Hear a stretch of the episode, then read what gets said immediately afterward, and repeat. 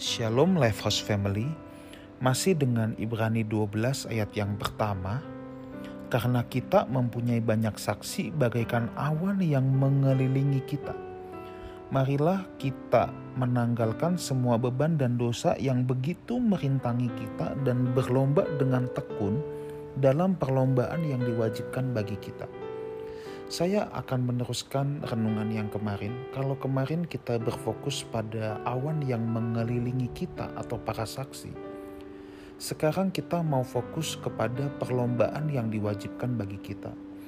Rupanya saudaraku, hidup kita ini seperti gelanggang pertandingan. Hidup kita ini adalah perlombaan iman, adalah perjuangan iman. Dan dalam perlombaan ini rupanya ada rintangan saudara, ada tantangannya tantangannya itu adalah beban dan dosa. Beban dan dosa itulah yang merintangi perlombaan iman kita. Mari kita renungkan apa yang dimaksud dengan beban dan apa yang dimaksud dengan dosa. Dan di sini secara spesifik Alkitab menuliskan uh, beban dulu baru dosa, bukan dosa dulu baru beban. Beban adalah saudaraku keinginan-keinginan hati kita yang tidak sesuai dengan kehendak Tuhan. Itu beban.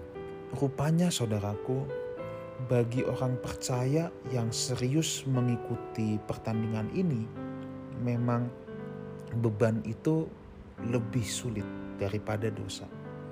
Sebab di sini digambarkan dosa seperti pelanggaran-pelanggaran moral umum, jangan mencuri, jangan berzina dan lain sebagainya. Nah, saudaraku, ada begitu banyak orang yang bisa melewati pelanggaran moral umum. Sebagaimana dalam sistem kepercayaan atau agama lain juga melarangnya. Dan orang Kristen juga banyak yang bisa melewati ini.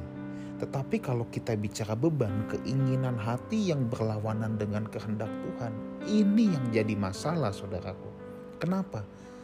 Sebab sering kali ada banyak hal yang secara moral umum kalau dilihat orang bukanlah sebuah dosa.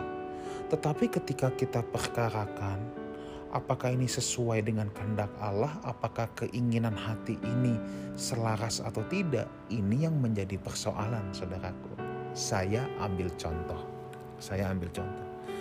Misalnya kita sedang dapat profit banyak, lalu ketika kita mendapatkan uang dalam jumlah besar itu, dan kita dapatkan ini dengan halal loh saudara, kita tidak mencuri, tidak korupsi, tidak tipu orang tapi ketika kita dapatkan uang tersebut, kita langsung berpikir, aku mau ini, aku mau itu, aku mau jalan-jalan, aku mau beli ini, aku mau beli itu. Secara moral umum, itu tidak melanggar saudaraku. Itu hasil jeri lelah saudara, itu hasil jeri payah saudara. Tetapi apakah kita mempersoalkan kepada Tuhan? Apakah Tuhan seneng gak kalau kita beli ini, beli itu? Oh bukannya kita tidak boleh menikmati saudaraku. Jelas kita boleh uh, menikmati apa yang menjadi jeri lelah kita dan Tuhan pun mengizinkan akan hal itu. Itulah yang saya sebut sebagai roti yang untuk kita nikmati. Tetapi persoalan di sini adakah sebelum saudara menikmatinya, saudara memperkarakannya dulu dengan Tuhan. Tuhan, ini milikmu Terima kasih aku telah dipercayakan sebagai pengelola.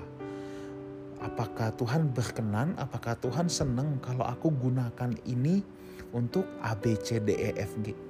Nah itu yang kita harus persoalkan dulu saudara. Kalau Tuhan tidak masalah, kalau dalam hati kita ada damai sejahtera, kalau dalam hati kita tidak ada penolakan, dengan catatan kalau hati nurani kita bersih ya saudara dengan catatan kalau hati nurani kita melekat pada Tuhan. Maka kalau tidak ada penolakan di hati nurani kita, please go ahead. Tetapi kan ada banyak orang yang tidak lagi berdoa, tidak lagi menanyakan sama Tuhan, langsung merasa berhak saudaraku.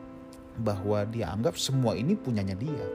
Padahal kita hanya dititipi oleh Tuhan. Kita hanya pengelola, kita hanya bendahara yang satu hari kelak kita akan bertemu muka dengan muka dengan Tuhan dan kita akan dipersoalkan.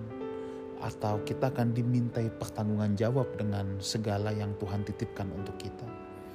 Itulah sebabnya mari kita latih kepekaan kita bahwa dalam perlombaan yang diwajibkan ini justru yang menjadi tantangan kita adalah beban dan dosa. Beban adalah keinginan-keinginan hati kita.